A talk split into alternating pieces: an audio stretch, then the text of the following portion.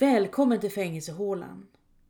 Här synar jag gamla kriminalfall, eller very cold cases, och även om jag dramatiserar en aning försöker jag hålla mig så nära sanningen som möjligt.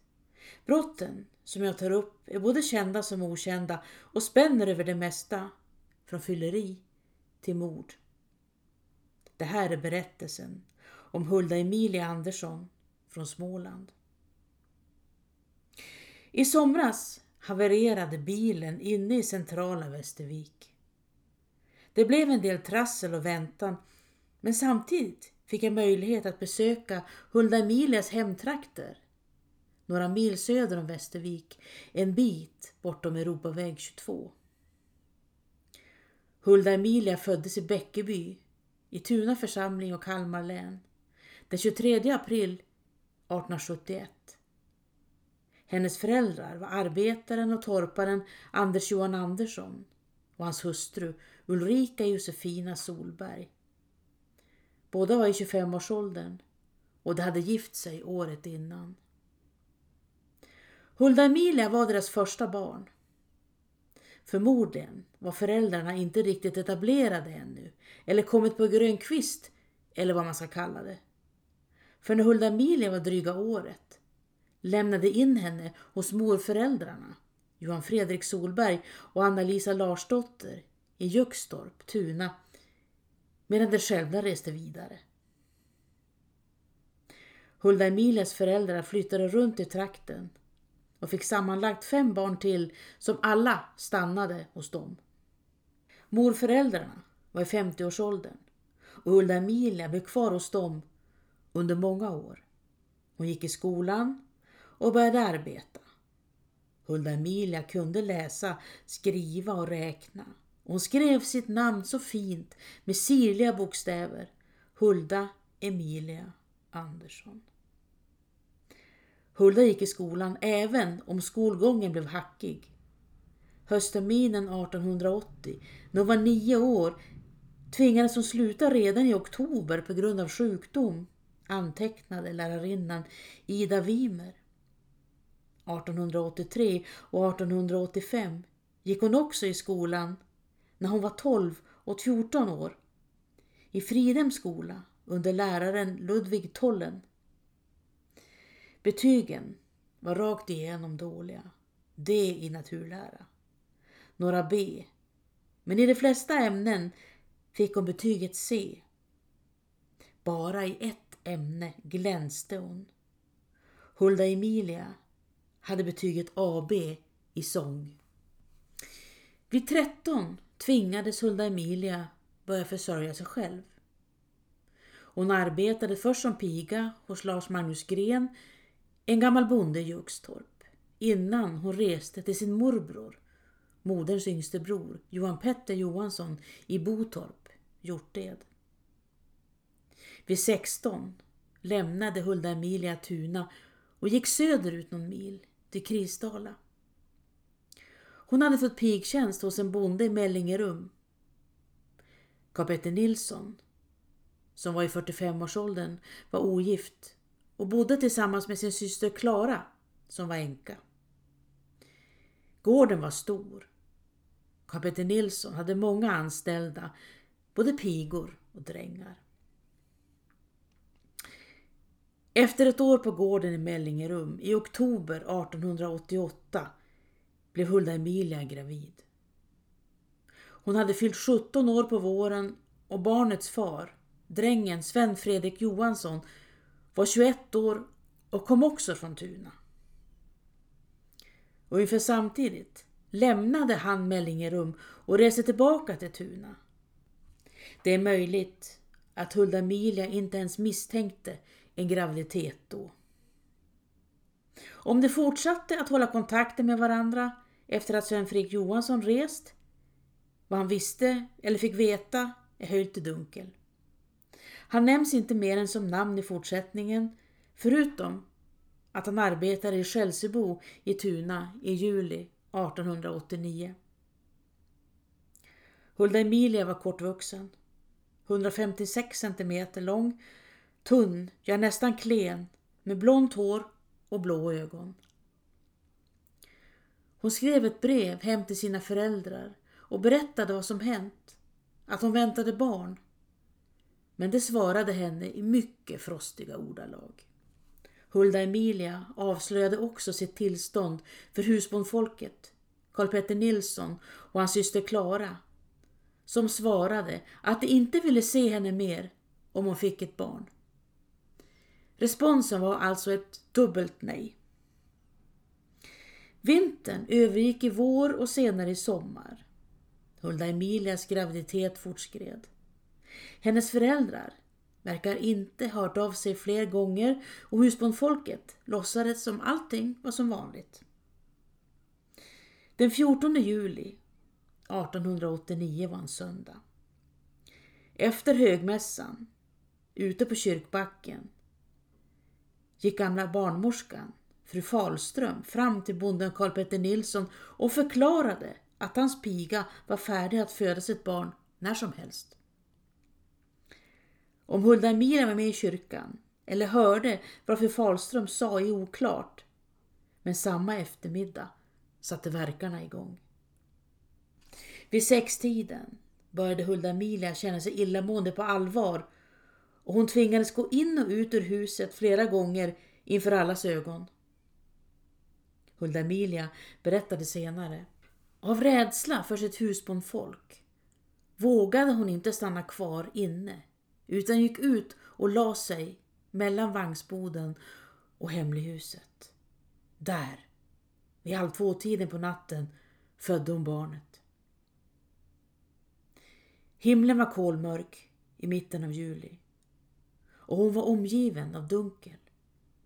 Först låg Hulda Emilia som avsvimmad mot marken. Men barnet rörde sig och lät lite så hon vaknade till. Hon plockade upp barnet och bar med det upp i hagen i närheten. Hulda Emilia visste inte vad hon skulle ta sig till men hon lade ner barnet bredvid några stenar eller under några stenar som det står på vissa ställen innan hon gick hemåt igen. Hulda Emilia smög in till sig och kröp ner i sängen. Nästa morgon skulle hon upp och mjölka bondens kor. Hulda Emilia hade fött ett barn liggande utomhus vid halv två-tiden på natten helt utan hjälp. Efteråt tog hon med sig barnet upp i hagen. Hon la ner det vid stenarna och återvände sedan hem. Då måste klockan ha närmat sig tre i bästa fall. Nästa morgon stod hon upp för att mjölka. I själva verket gick hon ut för att mjölka en eller två timmar efter att hon kommit hem. Men innan Hulda Emilia gick till korna med mjölkspannen tog hon en sväng upp till hagen. Under vägen hörde hon hur barnet kved. Det kanske skrek. Då, och först då, kom hon på tanken att hon faktiskt kunde göra sig av med barnet. Hon kunde ta livet av det och bli fri. Innan dess hade hon inte alls funderat i de banorna. Barnet skrek och Hulda Emilia fylldes av skräck. Om någon skulle se eller kanske höra henne. Hon ryckte upp ormburkar som växte överallt och tryckte snabbt in i barnets mun och svalg. Skriken kvävdes och det blev tyst. Hon la tillbaka barnet igen vid stenarna och återvände till bondens kor. Men Hulda Emilia blödde kraftigt och senare under eftermiddagen var hon så sjuk att matmorden, änkan Klara Nilsson, tvingades skjutsa henne till barnmorskan Mina Brodin i Kristdala. Har hon fött barn? frågade barnmorskan fru Brodin. Hulda Emilia nekade. Nej, svarade hon. Mina Brodin var dottern till den gamla barnmorskan, fru Falström, och kände redan till Hulda Emilias havandeskap, eller att Karl Petter Nilssons piga väntade barn, som det hette i bästa fall, trots att de aldrig mötts i verkligheten. När Mina Brodin kom hem den eftermiddagen fanns redan Hulda Emilia i hennes bostad. Hon var ensam då Klara Nilsson, hade redan återvänt till Mellingerum. Mina Brodin undersökte Hulda Emilia och kunde genast konstatera att hon genomgått en förlossning under det senaste dygnet men Hulda Emilia fortsatte att neka. Barnmorskan, Mina Budin, varnade henne i allvarliga ordalag för att fara med osanning och då föll Hulda Emilia till föga och erkände. Hon berättade under tårar och ånger att ingen velat kännas vid henne och hennes väntade barn. Hur kunde jag göra så? sa hon om och om igen. Hur kunde jag? Barnmorskan, mina Brodin, var gift med en skräddare och bodde nära kyrkan. Hon skulle fylla 39 år i augusti och var tämligen höggravid med sitt fjärde barn. Mina Brodin kallade på fjärningsman Bark som genast gick iväg för att söka rätt på barnet. Först letade han mellan hemlighuset och vagnsboden där barnet blivit fött, men utan resultat. Sedan gick han upp i hagen. Där låg barnet mellan stenarna. Det var en pojke som var stor och välskapt. Fjärdesan Bark bar tillbaka barnet till barnmorskan för läkarundersökning. Men Hulda Emilia var så sjuk att hon måste läggas i säng. Hon var för klen för att arresteras och blev kvar i en dryg vecka hemma hos barnmorskan innan hon ansågs stark nog att flyttas till fängelset i Västervik. Den 7 augusti stod Hulda Emilia till svars inför Tuna läns häradsrätt. En av nämndemännen i salen var hennes förra husbonde Karl-Petter Nilsson i Mellingerum. Hulda Emilia fick frågan varför hon begått detta svåra brott och hon svarade att hon varit i en så förtvivlad situation att hon knappt vetat vad hon gjort. Hennes husbofolk, fortsatte hon, som alltid varit väldigt stränga mot henne, hade förklarat att hon inte fick stanna kvar hos dem om hon fick ett barn. Just därför, av den anledningen, hade hon inte vågat ta med sig barnet tillbaka till sin bostad efter födseln. Hennes föräldrar hade meddelat i brev att de varken ville kännas vid henne eller hennes barn om hon fick ett barn. Och varken hon eller barnet var välkomna hem till dem.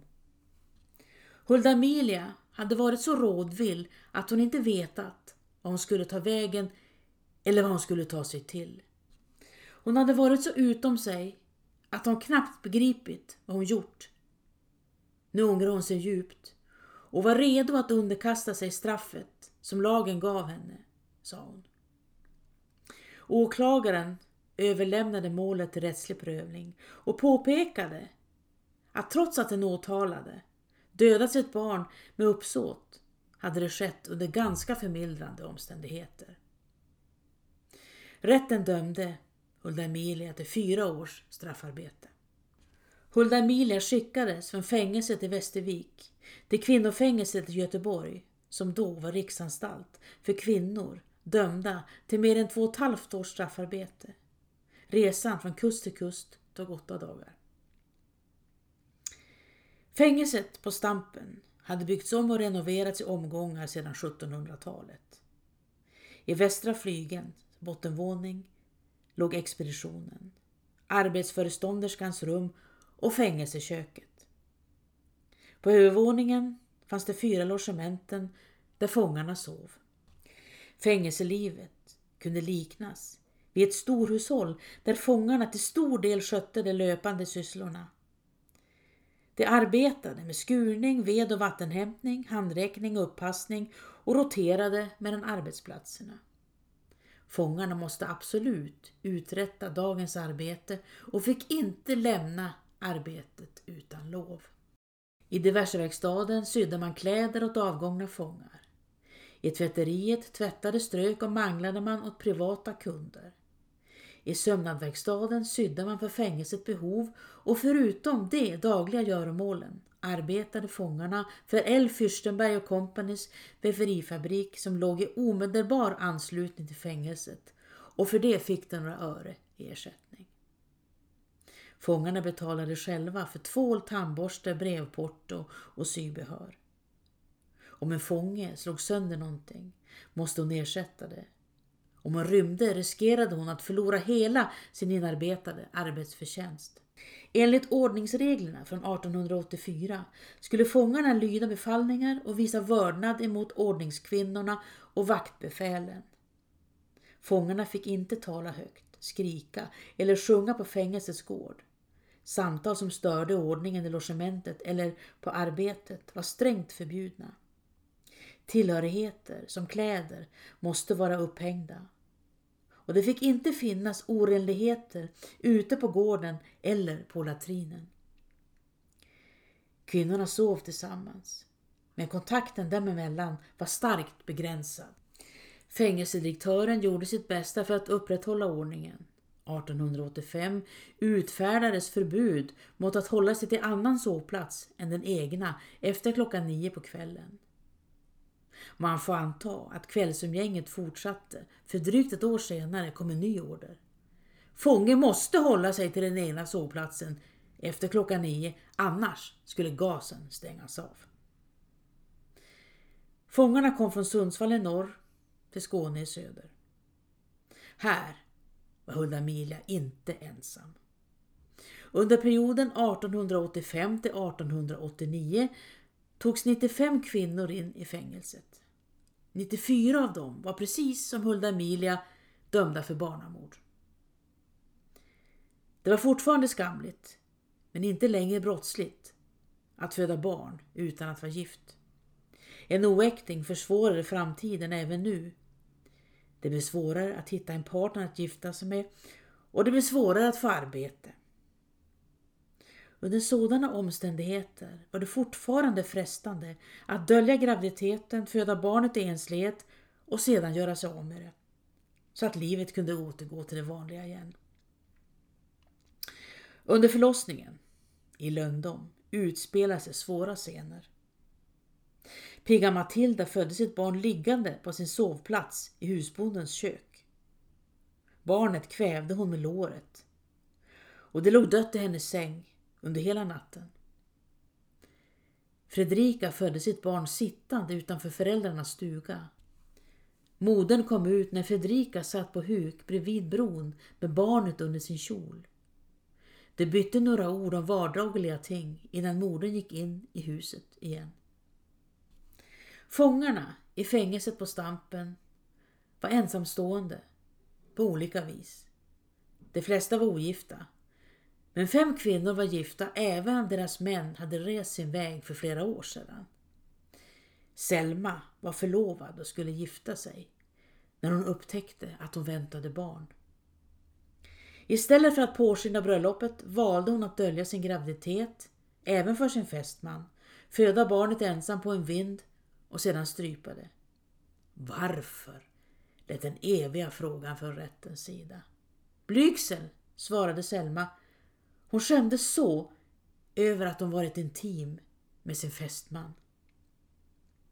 En av kvinnorna som togs in i fängelset på Stampen i Göteborg var inte dömd för barnamord. 26-åriga Johanna Matilda från Örebro län var istället dömd för mord på sitt 26 dagar gamla barn till 10 års straffarbete. Hon hade inte dolt sin graviditet eller fött i skymundan utan tagit barnet till sig. Men en dag när hon vandrade med sitt barn på ryggen och passerade en sjö drabbades hon av en stark impuls att dränka barnet för att livet skulle bli som vanligt igen. Den fånge som bröt mot fängelsets regler kunde dömas till extra straff. Som till exempel minskad kost eller några dagar i cell, ljus eller mörk, med eller utan fönster. Strax efter jul 1889 saknades en av fångarna vid inräkningen. Eva hade kurat ihop sig vid ett av avträdarna på gården. Hon hittades efter en stund och fördes tillbaka till logementet. Eva hade tänkt rymma erkände hon och hon dömdes till åtta dagars ljus cell utan arbete och utan lön. I maj 1890 anmälde vaktmästaren Nilsson att fånge nummer 77, Olausdotter, suttit kvar vid Fürstenbergs kolbord efter middagsrasten trots att han sagt till henne flera gånger. Olausdotter svarade snäsigt och sa att hon gjorde som hon ville och satte inte i vägen för någon, även om hon hade rest sig upp och gått därifrån. Några veckor senare dömdes samma Olausdotter till ett nytt disciplinstraff efter att ha vägrat hälsa på vaktmästare Nilsson när de möttes ute på gården. På våren 1889 straffades fyra fångar för att ha lekt på arbetstid. De övergav vävstolarna i östra fabriksbyggnaden och tog loss en drevtapp från väggfogningen som de kastade och sparkade mellan sig. Även fångarna som lämnade sina arbeten för att titta på dömdes till extra straff. Hulda Emilia Andersson gjorde inte mycket väsen av sig i fängelset och dömdes inte till extra bestraffningar. Fängelsets predikant Ernst Björkman hade ett första samtal med henne i september 1889 och fram till nyåret, under de tre första månaderna i fängelset, träffade Hulda Emilia predikant Björkman för samtal eller förhör 16 gånger. Hulda Emilia var frisk och arbetsför när hon kom till fängelset på Stampen, antecknade fängelsedirektören. Ett år senare blev hon sjuk och togs in på fängelsets sjukavdelning där hon vårdades för lunginflammation. Kort därefter drabbades hon av lungsäcksinflammation och under sommaren 1891 stod det klart att Hulda Emilia led av lungsot. Hon var så klen att hon togs ur arbetet i augusti och hon dog på fängelsets sjukavdelning den 9 november 1891. Hulda Emilias ägodelar skickades med post till föräldrarna som nu bodde på torpet Snippen under Ishult i Hjorted. Ett par strumpor, en sjal, en huvudduk, ett förkläde, två kjortlar, ett liv, ett par kängor, en brosch och en krage. Några dagar senare kom ett brev till fängelsedirektör Montgomery från Hulda Emilias far i Småland. Tacksammast erkännande att jag mottagit direktörens brev av den elfte i denna månad samt min avlidna dotters klädespersedlar får jag härmed anhålla att med fodrade 12 kronor för begravningskostnaderna gottgöra likets begravning i Göteborg och bedja att min älskade barns stoft må vila i frid och icke uppsändas till Karolinska institutet. Till sist beder jag och egna och min hustrus vägnar får hjärteligen tacka för den vård som ägnat vårt amma barn under i synnerhet hennes sjukdomstid. Särskilt vill vi tacka och hälsa hennes själasörjare och sagt honom hjärtats tack för hans trägna bemödanden att föra in bland den frälsta jorden detta fattiga, förlupna sargade lamm. Torparen undertecknade brevet, men någon annan hade skrivit texten. Det var vanligt att avlidna straffångar användes som övningsmaterial åt läkarstuderande. Det ville Hulda Emilias far undvika och när han skrev brevet hade hans önskan redan gått i uppfyllelse. Två ting saknades bland tillhörigheterna som skickades till föräldrarna i Ishult. Ett lintyg och en kjol. Det hade använts som svepning av kroppen. Hulda Emilia begravdes på kyrkogården bredvid fängelset den 11 november. Tänk på döden, står det vid ingången. 1895 blev strafffängelset i Göteborg riksanstalt för kvinnor dömda till mer än fyra års straffarbete. Och inför samtidigt beslutade L. Fürstenberg Company att inte längre använda fångarnas arbetskraft och ett plank spikades upp mellan fängelset och fabriken. Det hade sin förklaring. Barnamörderskor skilde sig märkbart från andra brottslingar. Efter strafftidens slut återgick nästan alla till ett vanligt liv igen och kom inte i kläm med rättvisan fler gånger. De tog arbeten, de gifte sig Även Selma, som dolt sin graviditet för sin fästman, gifte sig några år senare med en annan man. När fångarna nästan uteslutande bestått av barnamörderskor var det en tillgång för fabriken och det utnyttjade deras billiga arbetskraft. Det förändrades nu. När fängelse på Stampen blivit riksanstalt för kvinnor dömda till mer än fyra års straffarbete var fångklientelet ett annat. Några av de som togs in i fängelset 1896 var Carolina, dömd för sjätte resans stöld till fem års straffarbete. Charlotta Wilhelmina, dömd för giftmord till livstids straffarbete. Johanna, dömd för mord och mordbrand till livstids straffarbete. Anna Maria, dömd för mordbrand och två mord till livstids straffarbete.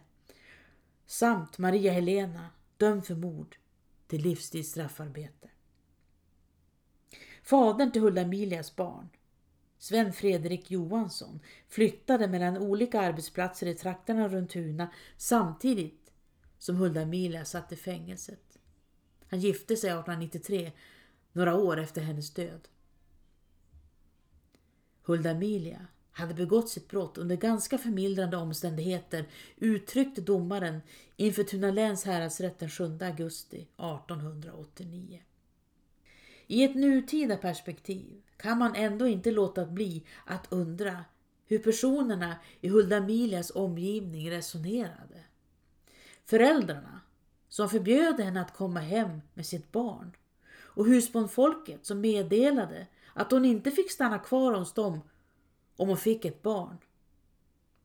Men barnet fanns ju. Ansåg det att Hulda Emilia borde trolla bort det. Föräldrarnas agerande känns mest som en trött suck. De var fattiga och hade redan stugan full av ungar. Men var Hulda Emilias husbondfolk beredda att blunda för att deras piga födde ett barn som sedan försvann? Det verkar nästan så.